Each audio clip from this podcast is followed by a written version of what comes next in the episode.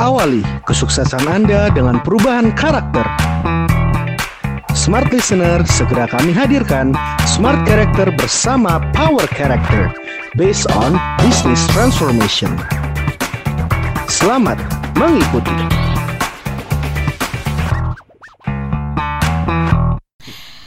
Iya, baik smart listener dan jika Anda semuanya bergabung bersama dengan kami, kita akan membahas mengenai anger issue, anger management. Gimana sih kita mengelola marah? Sebenarnya Yes. marah itu boleh nggak sih? Ya, Ada yang ya. bilang nggak boleh marah karena marah itu dosa katanya.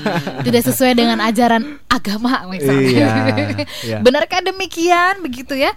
Atau pada saat orang berlaku tidak adil kita hanya mengen- hanya mengatakan "Ih, kamu nggak adil apa begitu aja atau gimana? Respon yang baik itu seperti apa? Nah, respon gitu yang ya? baik itu gimana?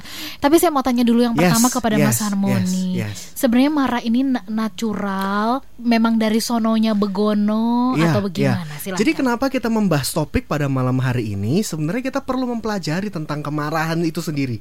Ya, tadi itu pertanyaan sangat bagus. Itu pasti ditanyakan oleh semua orang. Bahwa ya, marah itu baik atau enggak sih? Ya kan? Marah itu dosa atau enggak gitu ya? Marah itu bijak atau enggak? Marah itu kenapa sih gitu. Nah, kita akan membahas lebih dalam. Jadi sebetulnya kemarahan itu pasti menimbulkan ketegangan, ya kan? Ketegangan antara hubungan, saudara, rekan kerja, orang tua anak gitu ya. Nah, gak cuman hanya menimbulkan ketegangan, bahkan ada yang namanya road rage gitu kan ya. Kalau marah di jalanan, kemarin ini Mbak Ola ini kejadian real, saya Baru- sampai rekam baru, videonya. Saya lagi nyetir ya, dan tiba-tiba waktu di tol ada truk truk nyalip saya, Oke. terus dikejar sama truk yang lainnya juga. Iya. Dan truk yang belakang itu bawa, bawa tongkat besi dan berusaha untuk nyalip dan menabrak truk yang depan. Nah, saya itu di belakang, saya di pinggirnya Mbak Ola.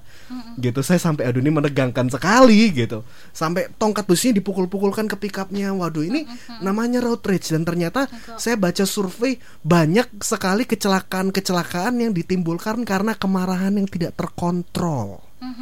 Ya, nah topik pada malam hari ini saya pengen ketekankan marah yang tidak terkontrol itu berbahaya. Ya, marah yang uncontrollable, marah yang impulsif, marah yang langsung meledak itu sesuatu yang berbahaya. Oke. Ya, namun apakah marah sendiri itu selalu jelek? Nah, itu yang penting kan. Marah itu nggak selalu jelek. Oke. Masa kalau misalkan kita keluarga kita disakiti kita nggak marah itu abnormal Iya, betul. sesuatu yang penting kita jaga tapi kita nggak marah itu nggak wajar gitu ya ya kalau misalnya rekan kerja kita anak buah kita nggak melakukan hal yang hal yang benar ya nggak bertanggung jawab apakah kita apa masa kita nggak marah nah itu bahaya gitu ya Iya. jadi marah itu ada yang terkontrol, ada yang uncontrollable, yang bahaya yang uncontrollable. Oke. Itu yang bikin sakit, bikin cepet tua. Itu menurut penelitian Yale University. Baik, anger issue. Belakangan ini kita boleh dibilang ketemu dengan banyak orang yang meluapkan marah nih Mas Harmoni ya. Yes. Di di media sosial ya maki-maki dan sebagainya. Tadi Mas eh, katakan di awal bahwa marah sebenarnya natural kan? Ya, Ya kan itu mekanisme tubuh gitu Betul. ya. Itu ciptaan Tuhan. Ciptaan Tuhan. Itu ciptaan Nah, Tuhan. Nah, kalau gitu nih sebenarnya ada hal yang mendasar yang semua kita mesti tahu dong. Betul. Bahwa betul, siapa pun betul. sebenarnya boleh Iya. marah ya. Iya, iya. Nah, kalau begitu sebenarnya kalau boleh didefinisikan dulu. saya, saya saya jelaskan dulu ya kemarahan itu apa ya. Ah. Baik gini. Jadi pada dasarnya marah itu adalah sebuah respon emosi. Ya emosi itu letaknya di amigdala Mbak Ola. Mhm. Oke. Ya jadi di otak kita itu ada amigdala. Nah biasanya dan ada juga prefrontal cortex yang sering kita bilang kan prefrontal cortex itu fungsinya memutuskan, menganalisa, mengevaluasi, membandingkan dan belajar. Ya ini lima fungsi utama prefrontal cortex. Ya letaknya ada di nonong kita. Makanya Tuhan ciptakan di nonong kita ini paling keras ya di jidat kita nih di dahi kita ini Tuhan Oke. ciptakan paling keras karena untuk melindungi prefrontal cortex kita. Ini membuat manusia lebih excel dibandingkan hewan, dibandingkan binatang yang lain karena kita memiliki kemampuan untuk belajar, beradaptasi, mengevaluasi. Nah, itu yang penting sekali. Nah, namun amigdala itu letaknya di belakangnya prefrontal cortex. Kecil sekali gitu ya ben- bentuknya gitu ya dan itu fungsinya untuk emosi dan Tuhan menciptakan emosi itu baik pada awal mulanya. Namun ketika tidak terkontrol ya kata kuncinya tidak terkontrol itu maka bahaya. Nah ini yang menarik Mbak Ola. Jadi ketika kita marah itu seperti kayak ada parameternya gitu. Kalau udah naik sampai pada titik tertentu prefrontal cortexnya shutdown. Dak.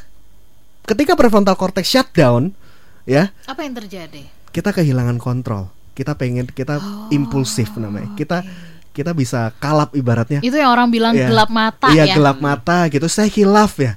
Ya itu karena itu. Karena amigdalanya sudah take control over rationality-nya, ya. Perasaan men-take over logika Oke. gitu ya. Itu itu bahasa sederhana, bahasa pengertian sederhananya. Itu yang menyebabkan orang menjadi aduh ya bisa nggak sengaja kok habis ngebunuh gitu ya aduh ini aduh ini saya nggak sengaja gitu ya nyakitin orang gitu terus aduh ini kenapa perasaan bersalah gitu ya menyesal setelah itu karena apa Iya. amigdalanya emosinya Iya. yang takes control nah itu yang bahaya ketika prefrontal cortexnya shutdown dia nggak bisa menganalisa resiko Mhm. dia nggak mampu menganalisa akibatnya seperti apa Baik. jadi dia ingin hanya ingin melakukan apa yang di depan mata dia, apa yang ingin dilakukan. Makanya ketika orang emosi, perilakunya ngeri-ngeri. Hmm. Ada yang tonjok tembok, Oke. ada yang ada yang kasar, ada yang jambak, ada yang segala macam, sangat anarkis gitu. Itu pada saat itu, pada saat tadi Mas Harmoni Ya, katakan ya, bahwa ya. amigdala mengambil kontrol logika, berarti perasaan yang bermain. Ya. Apakah pada saat itu orang tidak lagi merasakan ada perasaan takut, sakit atau apa begitu? Sehingga kan ada orang yang melukai dirinya sendiri ya, misalkan nonjok kaca sampai kemudian berdarah-darah gitu, atau Ya, nonjok ya, tembok ya, daripada ya. dia melukai orang misalkan, Ya, ya. ya udah akhirnya dia yang nonjok tembok sendiri gitu. Ya, ya. Nah, jadi ketika amigdala takes control gitu, dia nggak sakit kalau misalnya dia mukul gitu, ya nggak terasa aja gitu. Iya. Karena adrenalinnya naik. Iya. adrenalinnya naik kita jadi tegang gitu jadi kita nggak merasa nggak merasa sakit kalau misalnya adrenalin kita naik tapi begitu adrenalin kita turun baru deh sakit gitu ya pernah kan kalau kita kecelakaan gitu Iya. kalau terluka biasanya satu menit pertama kita nggak sakit tapi setelah Oh, iya, betul, setelah satu betul. menit berikutnya gitu Kita baru mulai ngerasa kita, senut di mana-mana gitu ya, ya. aduh kok sakit-sakit setelah itu ya karena itu ad- adrenalinnya bekerja Oke. adrenalin bekerja sehingga kita nggak merasa sakit Iya. Nah tapi setelah satu menit berikutnya begitu udah turun udah tenang Nah itu baru deh Aduh sakit ya sakit luar biasa Ini yang terjadi gitu. kepada orang patah hati nggak sih? Kalau orang patah hati tuh baru diputusin kan belum terasa. Eh emang bener ya gitu. Setelah sudah seminggu ya ampun gitu. Nah, ya, Ren. Lama Jadi ya. yang saya ingin tekankan bahwa emosi itu baik Amigdala itu ciptaan Tuhan Hmm, Oke. Emosi itu baik Namun emosional Mm-mm. Baru itu nggak baik Oke. Ya Baik. Nah, ini kita perlu terjemahkan ya, Hmm. kondisi apa yang kemudian disebut dengan emosional. Kita kasih kesempatan sebentar kepada Mas Hans untuk menerjemahkan Oke, itu ya. oke. Iya. Mas Hans tadi Mas Harmoni sudah membantu kita memahami apa yang terjadi ketika orang marah itu terjadi ini di mana sih gitu ya. Ternyata itu di jidat nonong kita ya Iya. kalau marah. Ada orang yang mengat- Amigdala, amigdala, amigdala amigdala. gitu Di kan. belakangnya di belakang prefrontal cortex. Cortex, ya. Kan ada orang yang mengatakan saya marah tapi pegangnya dada. Benar nggak Mbak Tiffany ya kan? Saya marah. Mana ada orang marah pegangnya jidat. Saya marah. Atau sambil tutup hidung ya. Gak ada gitu itu, itu. Tapi kita sudah dijelaskan dengan sangat gamblang oleh Mas Harmoni. Iya. Tapi kemudian bagaimana pemahaman mengenai emosional? Emosional itu terjadi kalau yang bagaimana begitu? Silahkan. Iya, jadinya emosional itu beda ya. Tadi kan kalau memang kita bicara sudah emosi, emosi itu sebenarnya memang manusia diizinkan untuk mengalami berbagai macam emosi. Emosi, Nah, ya. itu tuh gunanya sebagai indikator kan sebenarnya kan untuk untuk sebagai indikator ya ya untuk kita tuh respon respon diri kita tuh seperti apa. Nah, kita bicara emosional itu ketika emosi itu mulai mengambil kontrol dari logika kita. Seperti itu Mbak Ola ya. Jadi emosi yang kita alami menjadi sesuatu yang tidak rasional mengambil kontrol dari si fungsi logika kita. Seperti itu. Dan karena emosi itu sifatnya itu tidak lebih tidak stabil daripada daripada logika kita sehingga sehingga ketika kita mengalami perasaan emosional itu menyebabkan kita jadi melakukan hal-hal atau marah atau senang apa pun itu emosinya ya ber- secara berlebihan seperti itu. Itu yang disebut dengan emosional. Iya. Sesuatu yang berlebihan. Se- sesuatu yang luapan, berlebihan. Luapan dari emosi tadi ya. Iya. Variasinya misalkan kalau kita terlalu gembira, gembiranya tuh sampai yang aduh Berlebihan. berlebihan. Berlebihan. Itu juga bagian dari emosional. Iya, jadi emosional tuh nggak cuman selalu marah, Marah, ya. Ya, Iya. Jadi mungkin senang berlebihan atau takut berlebihan. Iya, betul. Ya, atau ya kembali Sedih marah, sedih, berlebihan. sedih berlebihan Iya. gitu seperti Itu sedih berlebihan yang sampai garuk-garuk tembok ya kalau Ada yang self harm malah. Oh, Waduh, iya, iya. itu ngeri. itu tuh emosional termasuk ya. Iya termasuk emosi, Iya. itu termasuk yang emosi. nangis mungkin sampai berhari-hari nggak berhenti berhenti gitu kan nggak doyan Iya. makan nggak doyan ngapa-ngapain pokoknya nangis aja kerjanya itu bagian dari emosional Betul. Iya. Ya, betul. kalau boleh aku tambahin silakan ya. mbak Tiffany Kalau misalnya orang ada orang nangis-nangis, ada orang garuk-garuk tembok, lagi marah, lagi sedih itu ada bahasanya sih dalam dunia psikologi itu namanya tuh? katarsis. Ah. Iya, mungkin ada yang sering dengar katarsis itu dari bahasa Yunani ya, artinya itu pencucian. Jadi Oke. gimana kita membersihkan emosi-emosi kita gitu. Oke. Nah, jadi ada orang yang katarsis kalau misalnya kesel, dia garuk-garuk tembok atau makan atau nonton atau teriak-teriak, ya macam-macam katarsis itu. bentuk gitu. pelampiasan ya. Iya. Bentuk pelampias. Jadi setiap orang punya katarsisnya masing-masing dan harus ada katarsis seperti Hmm. itu. Nah, bagaimana dengan mereka yang misalnya merekam marahnya gitu ya, terus kemudian dia upload gitu? Ya, iya itu juga salah Itu satu termasuk katarsis. Iya, Iya. karena fokusnya adalah membersihkan emosi yang dia rasakan. Hmm. Gitu. Caranya apa? Gimana caranya itu masing-masing. Baik. gitu. Melampiaskan gitu. ya. Pelampiasan Iya. itu sebenarnya hal yang baik atau tidak, Mas Harmoni? Oke. Eh, Kan katarsis harus mencuci kan? Apa yang mencucinya harus begitu tuh? Gitu. Pakai eh, deterjen ba- loh. bagi saya, bagi saya ketika orang yang dewasa dia Oke. mampu mengelola emosinya. Nih Pak Antonio Diomartun sering ngomong gitulah, gitu iya, ya. betul, betul. Gitu kan. Nah, tapi pengelolaan emosi itu dalam arti ketika kita mampu mengontrol dan meluapkannya, ka- mengkatarsiskannya pada tempat-tempat yang tepat. Masa kita katarsis di sosial media gitu? Menurut saya nggak bijaksana. Bisa bayangin gitu ya Pak Yakub Ezra gitu ya Tiba-tiba update status gitu. Saya marah gitu kan ya.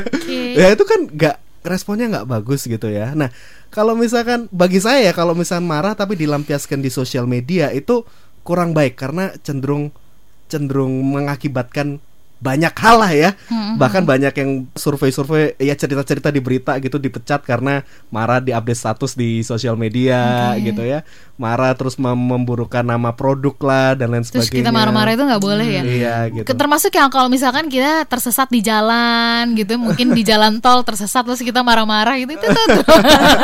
Ya, kalau itu boleh termasuk tidak baik ya. ya yang yang baik itu ketika kita melampiaskan dan ngerti gitu akibatnya nggak merugikan banyak orang Oh, gitu. Baik, baik. ya tapi malah mungkin kemarahan kita jadi energi positif gitu. Contohnya kalau misalkan kita mengalihkan ke sarung samsak gitu ya kita tonjokin gitu. Nah ada juga art terapi menggambar gitu ya. Ada yang malah lempar-lempar cat gitu. Nah itu bagi saya tingkat-tingkat yang positif gitu ya karena nggak merugikan orang lain dan dia juga mampu mengontrol emosinya. Baik. gitu. Saya kalau lagi marah tidak apa tidak sanggup lagi menahan tuh biasanya diam tapi juga kalau saya diam juga pada nggak tahan juga agak bingung ya kalau boleh ya Mbak Ola, marah itu bisa dianalogin sama klakson. Kalau Oh, misalnya gitu. kita klakson itu kan bisa juga buat eh, menyelamatkan orang juga ya, bukan berarti kita diem. Oh, Kalau misalnya kayak iya, di iya, jalan benar, ada benar, orang benar. menyerempet-nyerempet, kalau kita nggak klakson kita sama dia tabrakan, ya kan dia juga Betul. celaka, kita juga celaka. Jadi gunakan klakson itu di saat yang tepat. Baik. Bagus. tadi saya pengen menekankan lagi ya jadi Aha. emosi itu normal, Normal emosi ya, itu baik. baik. ya emosional itu sesuatu yang normal tapi belum tentu wajar kalau misalnya dibiarkan meluap-luap meluap-luap ya. itu yang bahaya. Apalagi nggak lihat tempat misalnya Betul, begitu ya. ya. Nah, ada Ibu Diana. Selamat malam Ibu Diana ada di Kota Jakarta ingin bertanya. Saya punya anak remaja usianya 15 tahun. Buat saya di usianya dia yang 15 tahun ini agak menjengkelkan em, Mas Harmoni, Mas Hmm. Hans katanya begitu ya.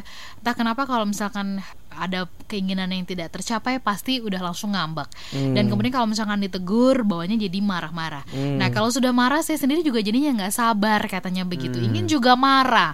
Nah, bagaimana menghadapi yang seperti ini nih, Mas Harmoni, Mas Oke. Hans gitu silahkan. Iya, iya. Jadinya mungkin si anaknya Ibu Diana ini memang waktu mungkin seiring dia bertumbuh besar ya, itu kurang mungkin kurang diajarkan bagaimana mengelola emosi itu dengan baik seperti itu. Jadi menyebabkan anaknya Bu Diana ini jadi dikit-dikit marah. Kalau ada marah, dia juga bingung mengungkapkannya gimana selain ya mungkin ngambek atau mungkin teriak-teriak atau apa. Nah, saran saya ada bagusnya di apalagi sudah remaja ya remaja kalau orang sudah bertumbuh besar prefrontal cortexnya sudah mulai Sudah berkembang, berkembang, ya. jadi memang yang mengalahkan kemarahan itu adalah logika seperti itu.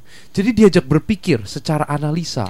Baik, sebentar. Saya ingin Mas Han, Mas. Hans tadi mengulangi kemarahan itu hanya bisa dikalahkan dengan dengan berpikir logika Dengan Seperti- rasionalitas. dengan rasional Iya. seperti itu. Ya jadi memang memang penting gitu apalagi anak-anak yang sudah remaja bertumbuh besar gitu ya mulai diajak berpikir gitu. Jadi jangan sering kali nih orang tua ya kalau ada anak yang marah yaudah diemin aja diemin aja. Sampai nanti juga dia adem sendiri. Begitu dia mungkin lebih marah-marah lagi responnya orang tua gimana? Malah marahin kan.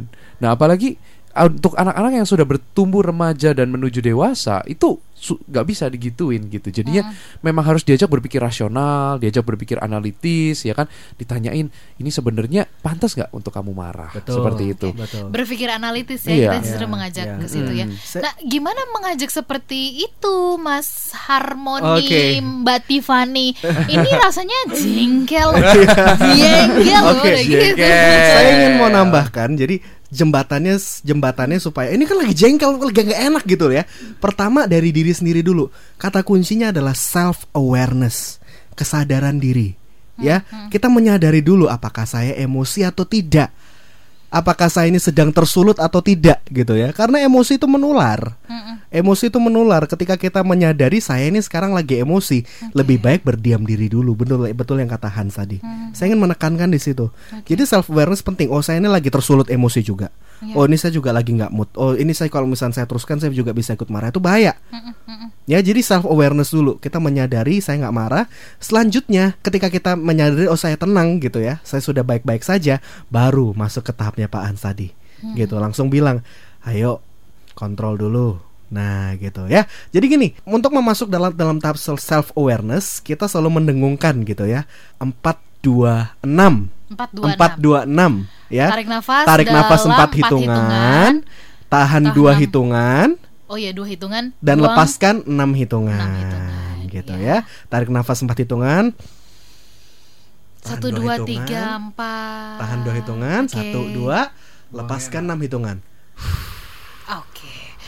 Baik. Terima kasih untuk Anda semua yang sudah menyimak. Semoga perbincangan kami ini bisa memberikan semangat, motivasi, dan inspirasi untuk Anda.